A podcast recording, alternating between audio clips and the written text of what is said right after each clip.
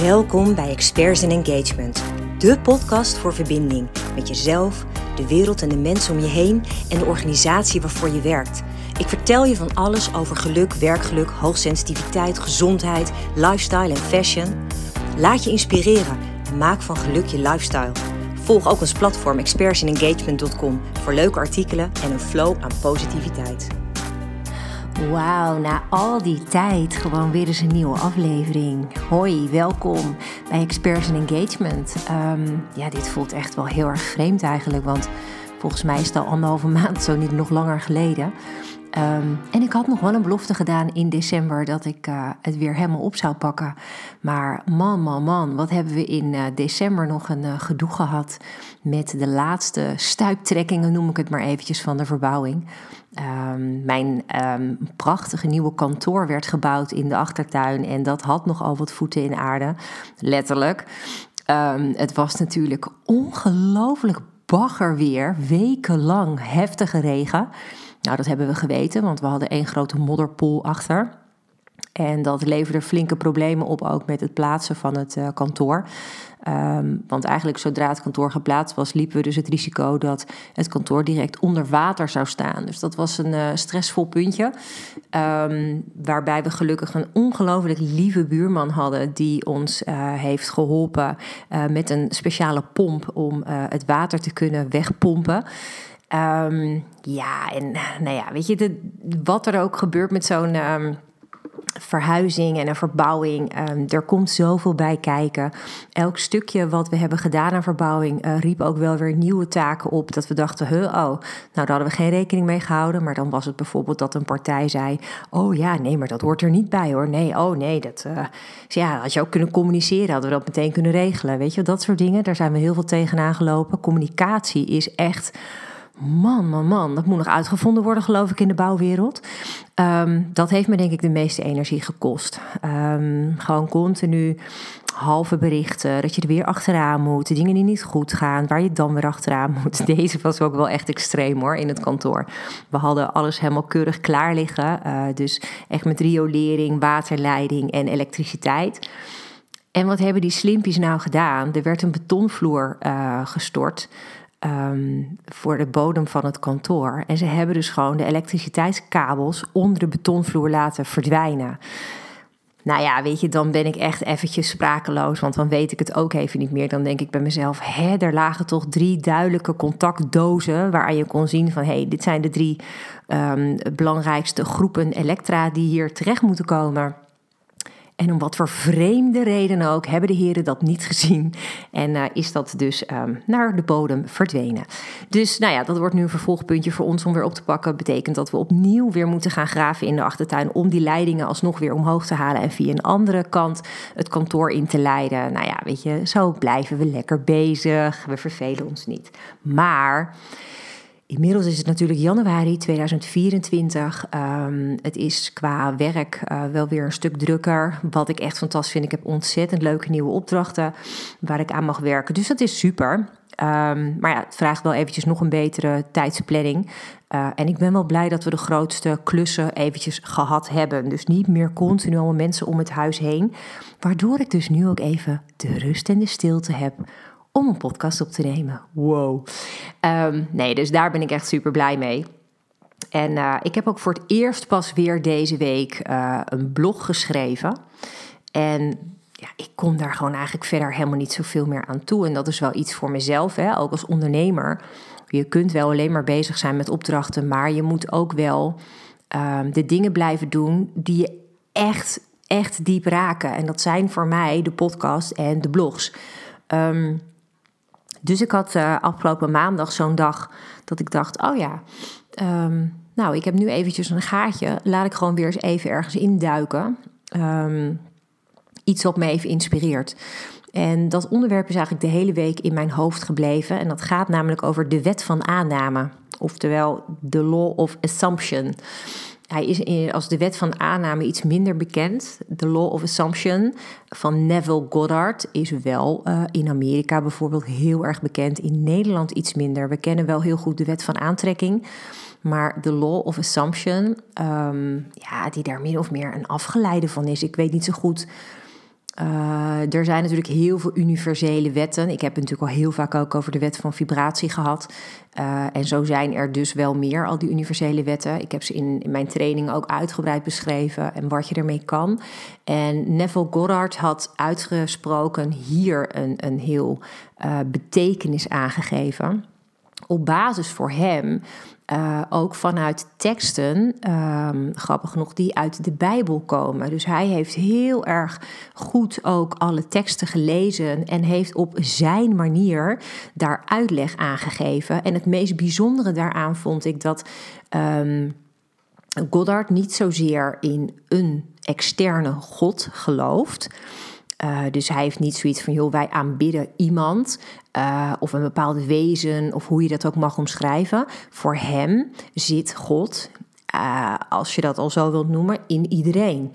Uh, want hij zegt dus: wij zijn de schepper van ons eigen leven. Nou, en in die zin kan ik heel erg met hem meegaan. Uh, ik heb het natuurlijk altijd over het universum.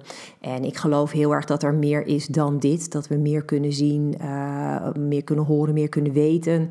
Dan dat we verstandelijk kunnen volgen. de wetenschappelijke onderzoeken zijn nog lang niet zo ver. Um, en ik denk dat dat ook komt omdat een heleboel mensen er nog steeds niet voor openstaan op het moment dat je een aantal ervaringen hebt gehad waarvan je denkt, maar dit kan ik echt niet simpelweg verklaren.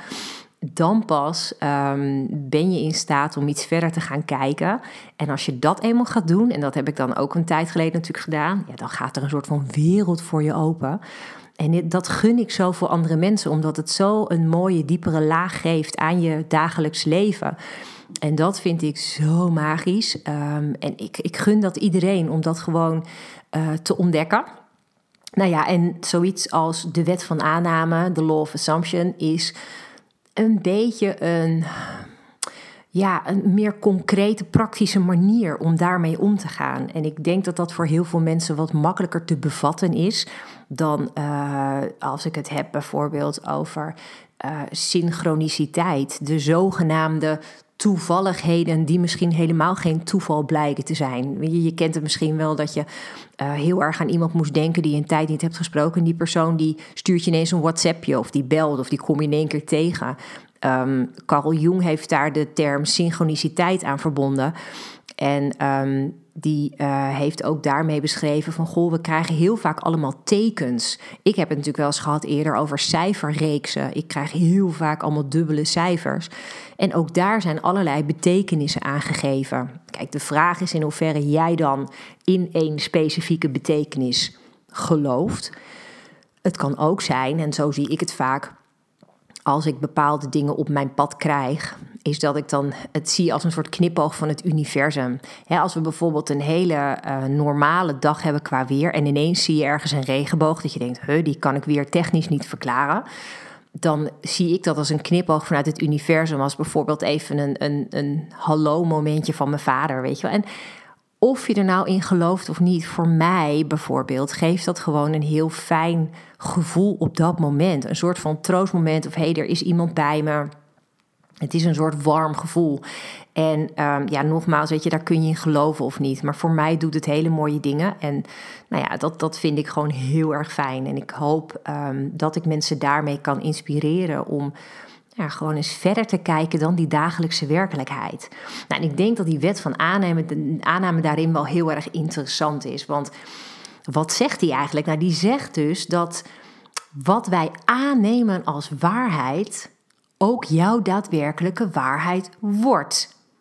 Dat is een interessant, hè? Dus dat betekent dat op het moment dat jij bijvoorbeeld um, als waarheid hebt dat jij uh, iets niet waard bent, um, of dat je iets, um, dat jij bijvoorbeeld alleen maar pech aantrekt, dan is dat ook wat jouw werkelijkheid wordt of blijft. Hè? Want in, in sommige gevallen uh, roepen we al heel lang dit soort dingen.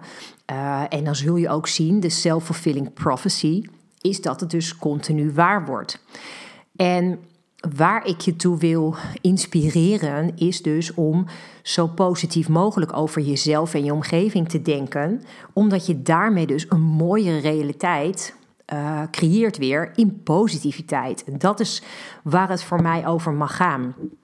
Ehm, en ik heb het wel eens eerder gezegd. Hè, ik heb wel eens een podcast opgenomen over bijvoorbeeld de betekenis van woorden. Nou, ook dat speelt hier een hele grote rol. Ehm, het is heel, heel belangrijk om je bewust te zijn van wat je eigenlijk tegen jezelf zegt. Uh, hoe je tegen jezelf praat. Dus bijvoorbeeld, uh, in de meeste gevallen zullen de mensen bijvoorbeeld geen compliment aan zichzelf geven, maar eerder kritiek. En ik deed dat vroeger ook. Ik had vroeger altijd, uh, ik was echt zo streng voor mezelf. En ik, ik weet vooral van veel vrouwen uh, dat, dat dat een soort van standaard is. In plaats van dus gewoon te zeggen van joh, hè, shit kon gebeuren. Um, het komt wel goed. Of hey, nou dat heb je eigenlijk best goed gedaan gezien de omstandigheden. Want ja, beter dan dit kon het eigenlijk ook niet worden. En de vraag is dan ook, durf jij in jezelf te geloven? durf jij jezelf het waar te vinden om ja, die, die, die goede rol te pakken in je leven. En niet altijd maar die rol van degene die het bijvoorbeeld net niet handig gedaan heeft of die het gewoon niet waard is. Ik denk dat daar wel een hele belangrijke zit, want ik denk dat voor iedereen een mooier leven is weggelegd. Alleen je moet dan wel zelf durven geloven dat dat ook voor jou de waarheid kan zijn. En het aparte is dus dat onze gedachten heel vaak een hele andere kant op gaan.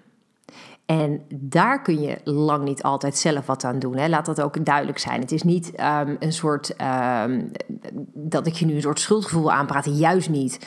Uh, wat heel opvallend is, en ik heb dat zelf ook meegemaakt, is dat je dus in je verleden bepaalde boodschappen zo vaak gehoord kunt hebben dat dat je waarheid is geworden. En dat zit dus helemaal niet in jou, dat was invloed van de mensen om je heen. Als mensen nare dingen tegen je zeggen en ze doen het ook nog eens herhaaldelijk, dan hoor je dat zo vaak dat je het gaat geloven, dan wordt het je waarheid. En het aparte is dus, het hoeft niet altijd ook in woorden te zijn, hè, want het kan ook gedrag zijn van anderen. Um, wat ik bijvoorbeeld mee heb gemaakt, is dat um, mijn ouders bijvoorbeeld nooit uh, interesse hadden in wat ik op school deed. Hadden wij speciale avonden op school. Um, waarin ik bijvoorbeeld um, uh, ging zingen vanuit onze muziekles. Nou, dan waren mijn ouders nou niet echt enthousiast om daarbij te zijn. en ja, ik denk ook wel. Het, het gek is, het is heel dubbel hoor. Want aan de andere kant Um, bijvoorbeeld als wij een, eh, een soort van schoolfeest hadden of zo, dan uh, mocht ik bijvoorbeeld niet alleen op de fiets daar naartoe. Ik, ik woon in Beeldhoven en ik zat in Utrecht op school. Dan wilde mijn vader mij wel per se brengen met de auto, mij ophalen. Um, dus ja, weet je, het, was een beetje dubbel. Uh, dus in die zin dacht ik, ja, weet je, de, de, de, de liefde is er echt wel. En het boeit ze genoeg dat ik niet in mijn eentje terugrij naar huis, want dat vond mijn vader nooit zo'n heel goed idee. Dus het is heel dubbel. Maar er zijn momenten, en ik weet ook dat heel veel mensen bijvoorbeeld in hun verleden op bijvoorbeeld school uh, vaak hebben gehoord van leerkrachten: ah nee, dat kan je niet, ah, dat is veel te hoog gegrepen. Uh, over bijvoorbeeld een schooladvies of bepaalde vakken waar iemand dan niet goed in zou zijn. En als je dat dus maar vaak genoeg hoort, dan ga je dat dus geloven. En bijvoorbeeld, wat ook kan zijn, um, is als jij, hoe ouder je ook wordt, dat jij nooit ergens je mening over mag delen. Dat er naar jou niet wordt geluisterd. Um, dat kan je ook een teken geven van, joh, um, ik, ik hoor er niet bij, ik ben niet belangrijk, mijn mening doet er niet toe. Weet je, en dat kan zich heel erg blijven uiten in de rest van je leven. Maar het kan ook zijn dat je een soort van loner bent. Um, waardoor jij bijvoorbeeld niet onwijs een vriendengroep hebt en dus ook nooit erbij hoort als het gaat over feestjes of sociale activiteiten. Even los van of je daar zelf behoefte aan hebt of niet. Maar dat kan natuurlijk wel zo zijn dat dat toch ergens binnenkomt van hé, hey, ik ben een soort gekkie. Dat heb ik, ik heb dat zelf. Ik ben echt een zwart schaap altijd geweest. Niet alleen in mijn familie, maar ik ben altijd een beetje degene geweest die toch wel een beetje tegen de stroming inging. Um, altijd de vragen stelde waar mensen dan eigenlijk liever ook geen antwoord op wilden geven. Um, en dat maakt wel dat je altijd een beetje de vreemde eend in de bijt bent. En dat is echt wel mijn ervaring. Vroeger vond ik dat ongelooflijk ingewikkeld. Uh, toen ik studeerde bijvoorbeeld, was ik echt wel een beetje een vreemde. En ik had wel wat vriendschappen, maar achteraf denk ik, ja, weet je, was dat nou echt vriendschap of was dat meer omdat je dan gewoon een soort van maatjes hebt om je tijd mee door te komen? Want Ehm, als ik heel erg eerlijk ben, afgelopen oktober was er een reunie van mijn dispuut. En nou, zat ik ook midden in mijn verhuizing hoor. Dus het was sowieso een timing uh, van 0,0. Uh, maar wat mij ook heel erg bezig hield, is dat ik dacht: ja, heb ik deze mensen nog iets te melden? Mijn leven is zodanig anders ook nog geworden. Ik ben zo eigenwijs en sta met zoveel dingen, een soort van buiten de maatschappij. Dat ik niet denk dat ik nog een hele leuke avond kan hebben met mensen die anders daarin staan. En ik vond het op dat moment ook niet mijn energie waard om dat dus te gaan doen. Dus nou ja, weet je, um, dus dat is een keuze van mij. En het grappig genoeg zat dit dus wel weer in mijn nieuwe waarheid, is dat ik goed ben zoals ik ben. En dat ik niet meer me hoef te conformeren aan mensen die heel anders zijn. Iedereen is oké. Het maakt mij echt niet uit wat je denkt, wat je vindt, wat je gelooft. Alleen, ik wil wel dat iedereen elkaar in de waarde laat. En um, op het moment dat ik dan ergens ben en ik zou me heel anders moeten gaan voordoen, omdat ik anders een, een hele moeilijke avond heb, omdat iedereen me veroordeelt, ja, daar heb ik gewoon geen zin meer in. En daar pas ik voor, die tijd ben ik voorbij. En dat vind ik ook ergens wel weer een hele mooie ontdekking. Um, maar Kijk, het punt is, op het moment dat jij heel vaak het gevoel hebt gehad dat je anders bent dan anderen en je voelt je daar slecht over, um, dan gebeurt er iets anders. Wat, wat krijg je dan namelijk, is dat jij onbewust, en ook bewust vaak misschien wel, bepaalde gedachten hebt, bepaalde woorden in jouw uh, hoofd voorbij hoort komen die negatief zijn. En door die woorden en die gedachten krijg je een slecht gevoel. Weet je? Dus je, je, je voelt je daardoor niet zo vrolijk of je voelt je daardoor niet heel zeker. Uh, of je voelt je daardoor misschien ook niet heel veilig. En het punt is, en dat heb ik in die wet van vibratie natuurlijk wel eens uitgelegd, op het moment dat jij dus beïnvloed wordt door negatieve woorden en gedachten, dan gaat jouw emotie gaat naar beneden en je energiefrequentie gaat naar beneden. Dus je krijgt een lagere vibratie. En vanuit die lagere vibratie trek jij ook weer andere dingen aan op lage vibratie. En dat zijn natuurlijk nooit hele positieve dingen. En daar gaat het dus ook heel erg over bij die wet van aanname. Dus op het moment dat jij maar aanneemt dat je niet goed genoeg bent, of dat je alleen maar pech aantrekt, of dat een mooi leven voor jou niet weggelegd is, of dat er geen ware liefde voor jou is, dan is dat wat jij waarheid maakt. Want je trekt dat dus letterlijk aan door die energie die daarachter gaat zitten. Dus die gedachten die je daarover hebt, die jou dus als het ware naar beneden trekken qua energie, die zorgen ervoor dat je dat ook daadwerkelijk dus jouw waarheid maakt. En dat vind ik dus zo zonde, want dan krijg je dus een overtuiging uh, die jij dus keer op keer voor jezelf aan het bewijzen bent, waardoor het dus alleen maar slechter wordt. Het wordt steeds sterker. En um, ja, dan zit je dus eigenlijk op dat punt van ja, oké, okay, uh, ik zit nu ergens vast, want ik trek alleen maar die negativiteit aan, maar ik wil het graag positiever maken. Hoe kan ik dan dat weer omdraaien? Nou, dan zou je bijvoorbeeld kunnen zeggen, als de ware liefde is voor mij niet weggelegd. Kun je ook veranderen. Je kunt ook zeggen, nou, de ware liefde is onderweg naar mij. Hè, ik ken hem of haar nog niet, maar het is onderweg. Het, het, het komt. Je kan bijvoorbeeld ook zeggen: um, Ik ben bezig om mijzelf um, te verbeteren. Ik ben bezig om mezelf zekerder te voelen. Ik ben bezig om meer van mezelf te houden. En dan komt ook mijn ware liefde.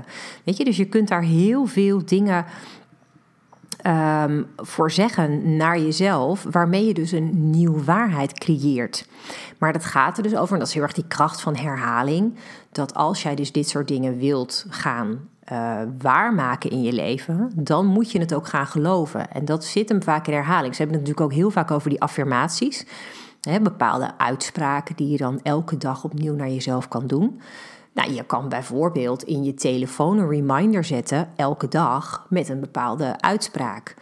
Van ik hou van mezelf, ik ben goed zoals ik ben, um, mijn ware liefde is onderweg.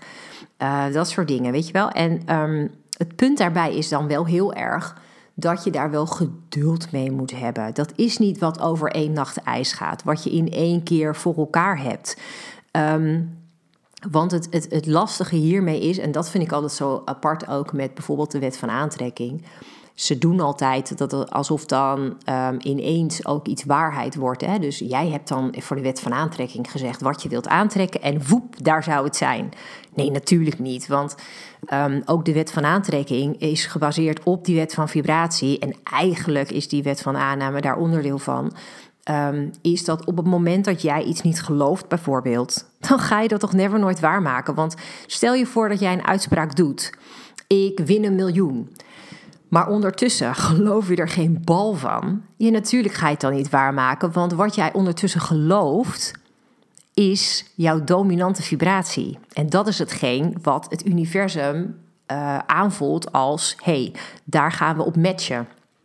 Dus het is wel ongelooflijk belangrijk dat je dus heel erg goed die positiviteit ook weet te ontwikkelen zodat je daarmee ook echt een nieuwe overtuiging creëert. Nou ja, weet je, ik heb dat bijvoorbeeld voor een deel moeten doen via hypnotherapie, omdat ik dat niet zo droog voor elkaar kreeg. Um, en dat komt ook omdat sommige overtuigingen zo diep geworteld zitten vanuit je verleden, dat dat best moeilijk is om dat zomaar te doorbreken. Maar er zijn ook een aantal dingen die ik wel zelf heb gedaan en waar ik heel erg uh, veel verschil in heb gezien. Dus ik wil er eentje met je delen. Um, als je dit nog eens rustig terug wil lezen, zou je ook uh, het blog uh, op expertsengagement.com kunnen checken. Want in het blog um, Je leven mooier maken, de wet van aanname, daarin beschrijf ik dat ook. Het is een hele um, krachtige oefening die mij heel erg verder geholpen heeft met positiever in mijn vel zitten. En dat ging er heel erg over dat uh, je hebt misschien wel eens gehoord van het begrip innerlijke kind. Je innerlijke kind, je, de, de, degene die jij eigenlijk was als kind, jouw kindversie noem ik het altijd. Um, mijn kindversie is regelmatig heel erg gekwetst. Is regelmatig ongelooflijk teleurgesteld. Is vaak in de kou blijven staan. Um, is daardoor ook heel vaak heel verdrietig geweest. Ik kan me in heel veel gevallen dat ook nog echt bewust herinneren. Maar er zullen ook heel veel situaties zijn geweest waar ik me dat niet zo goed kon herinneren. Maar dat zit er dus nog wel. Weet je, want al die, die oude uh, pijn, die heb je ergens opgeslagen in je lijf. En wat dus heel belangrijk is, is om daar een soort van rust in te gaan vinden. En wat heb ik daarvoor gedaan? Ik heb een visualisatie gedaan. En nou ja, dat is heel simpel eigenlijk hoor. Ik heb gewoon uh, via YouTube gewoon een, een mooi stuk uh, binaural beats bijvoorbeeld gepakt. Hè? Die muziek waar ik altijd uh, het beste op mediteer. Nou, dan heb ik die muziek op en dan visualiseer ik dat ik als nu volwassen persoon in contact kom met mijn kindversie. En wat doe ik dan? Dan ga ik op dat moment het gesprek aan vanuit mijn huidige ik met mijn ik van toen. En nou, dat is een klein meisje. Ik zie ook helemaal voor me. Ik had vroeger heel vaak twee van die staartjes in met van die lintjes erom. En dan had ik uh, een jurkje. En dus ik, ik, zie helemaal voor me hoe ik eruit zag toen. En um, ik zie dus ook voor me dat ik dan um, mijn innerlijke kind zeg maar tegenkom. En dat ik zie dat ze verdrietig is uh, of gekwetst of hè, gewoon niet lekker in haar vel zit. En ik neem haar dan bij me en ik, um, ik ik zorg ervoor dat ik een hele veilige omgeving schep. Dus ik neem haar op schoot en ik knuffel haar. En ik zeg ook gewoon, maar het komt allemaal goed. En dingen zijn nu allemaal niet zo prettig, niet zo fijn. En het doet je pijn en het, maakt je heel verdrietig. Maar dat ligt niet aan jou. Het ligt eraan dat de, dat de mensen om jou heen, ook de volwassenen, zich eigenlijk geen raad weten met wie jij als persoon bent. En dat zegt niks over dat jij niet goed zou zijn. Dat zegt meer over dat die volwassenen er niet klaar voor zijn om jou op de juiste manier te begeleiden. En wat ik daar heel erg um, mooi aan vind nu, is dat ik, um, als ik terugkijk op mijn leven, kan zien dat ik, uh, nou bijvoorbeeld pas in 2014 erachter kwam dat ik hoogsensitief ben. Dat wist ik nog niet toen ik zo jong was. En mijn ouders hadden daar ook nog nooit van gehoord. Dat was vroeger helemaal geen begrip. Maar het verklaart zoveel waarom ik mij op bepaalde manieren voelde als zij mij op een bepaalde manier hadden benaderd. En ik vond het ongelooflijk fijn om daar me heel bewust van te zijn. Want daardoor kon ik de woorden die bijvoorbeeld mijn moeder vroeger tegen mij uitsprak. over uh, dat ik te brede heupen zou hebben. of um, uh, dat ik, um, ja, ik weet het, was altijd, het ging altijd in, in de familie van mijn moeder ging het altijd over uiterlijk.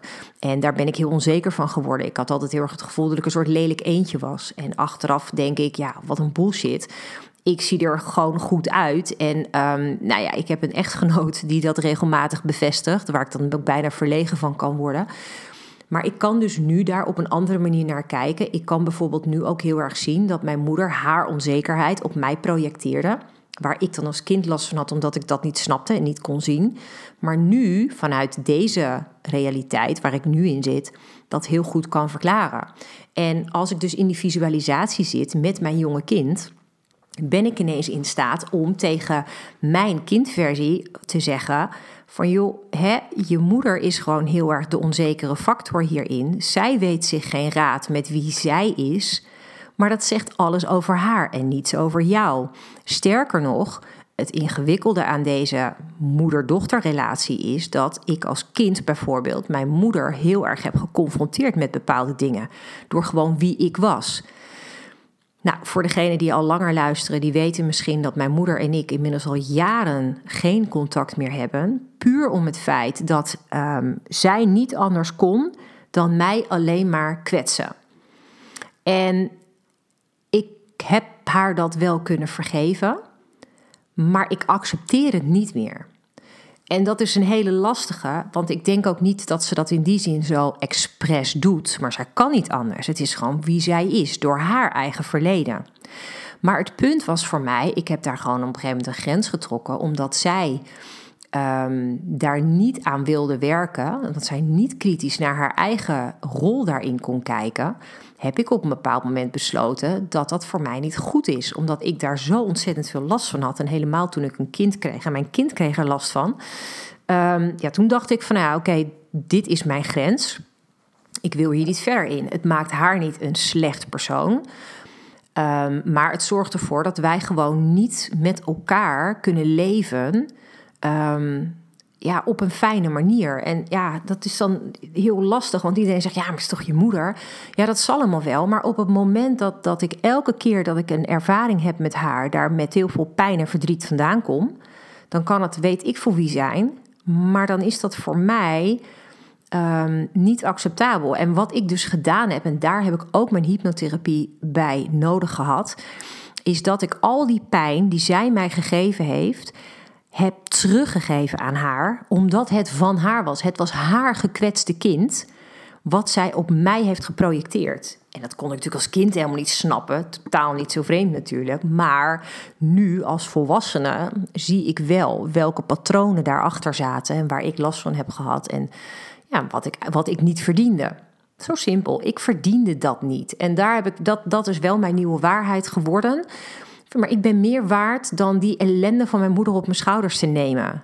Dat, dat hoor ik niet te doen als kind. Ik heb bijvoorbeeld heel veel gehad ook aan uh, Els van Stijn, de Fontein, uh, haar uh, familieopstelling. ik heb daarin heel erg ontdekt dat ik bijvoorbeeld als kind een veel te volwassen rol op mij nam tegenover mijn ouders, omdat zij door hun eigen verleden, nou ja, vaak daar niet een te handige rol in hebben ingenomen door al hun jeugdtrauma's. Um, ja, en als kind, dat is een soort van, zeker als hoogsensitief kind, dat, doe, dat doe je bijna automatisch. Um, en pas veel later kon ik dus inzien dat dat helemaal niet mijn rol had moeten zijn. dat ik een soort ouderrol op mij nam, waar dat helemaal niet de bedoeling was. En wat mij dus eigenlijk heel erg geschaad heeft. He, heb ik natuurlijk zelf in die zin een rol in gehad dat ik, die, uh, dat ik dat zo heb opgepakt. En dat is gewoon niet goed voor mezelf geweest. En nu ben ik in staat om te zeggen van nou oké, okay, dat is niet voor mij. Dus ik leg het gewoon lekker terug waar het hoort. En doordat ik dat dus kon doen, en ik kan dus nu zien hoe de waarheid in elkaar zit, en ik kan dat dus nu teruggeven aan mijn kindversie, en ik kan haar knuffelen en dan ook echt in mijn armen nemen en zeggen: Voor joh, schatje, deze liefde had je ook mogen hebben, onvoorwaardelijk toen je klein was. Dat was helaas niet anders, maar weet dat dit dus helemaal goed komt dat heeft voor mij uh, zoveel gedaan dat ik zelfs tijdens de visualisaties gewoon zat te huilen, omdat ik het letterlijk ook in vorm zag. En ik voelde het gewoon ook een soort van opluchting in mijn kindversie. Dat is echt heel bizar. Je kan het gewoon niet eens uitleggen. Ik weet ook niet hoe dit werkt. Het lijkt, klinkt misschien heel zweverig, maar man, wat heeft dat veel impact gehad. Um, en ik moet wel zeggen dat op het moment dat ik dat heb gedaan, was ik automatisch al veel meer overtuigd dat ik het wel waard was. En dat ik gewoon er ook mocht zijn. En dat ik niet de persoon was zoals mijn moeder dat schetste. Uh, omdat dat alleen maar haar waarheid was en dus niet de mijne. En nou, ik hoop dat je daar iets mee kunt. Uh, kijk desnoods eventjes op YouTube, want daar staan meerdere meditaties en visualisaties om met je innerlijk kind uh, in contact te komen. Um, er zitten echt een aantal hele mooie tussen. En um, ja, dat kan je gewoon heel erg helpen om ook wat van, van echt het diepst in jezelf positiever tegen jezelf te gaan praten. En op het moment dat jij positiever tegen jezelf gaat praten, dus die betere woorden gaat gebruiken, dan ga je die wet van aanname in positieve zin laten werken voor je. Dat is wat ik je ongelooflijk graag zie doen. Dat is waarvan ik denk dat je dus een allermooist leven kan creëren. Um, omdat ik gewoon weet dat het voor iedereen is weg. Het is mij gelukt. En omdat ik het kan, ben ik er 100% van overtuigd dat jij het ook kan. Waarom zou het niet? Weet je, alleen het is wel iets wat ik al zei, wat niet over één nacht ijs gaat. Het vergt echt wel even wat doorzettingsvermogen. Het vergt een helder soort van ambitie die je voor je uh, ziet om um, jezelf beter, fijner, lekkerder te gaan voelen. En op het moment dat je dat helder voor ogen hebt, dan ben jij in staat om dat mooiere leven voor jezelf te creëren. En hoe ongelooflijk mooi zou dat zijn? Dus nou, daarmee wil ik eigenlijk deze eerste aflevering van 2024 uh, eh, afronden. En ik hoop dat het je mag inspireren dat je een heel fijn moment met jezelf kan hebben. Um, gewoon heel bewust van joh, ik mag gewoon lief voor mezelf zijn. Ik eh, mag ook echt oprecht van mezelf houden. Ik ben een mooi persoon zoals ik ben. Ik heb echt waarde toe te voegen aan de wereld. En als je dat kan, dan ga je steeds meer mooie dingen aantrekken. Dus nou ja, dank je wel in elk geval. Als je er opnieuw bij was of als je er nieuw bij bent, echt, ik ben er heel blij mee.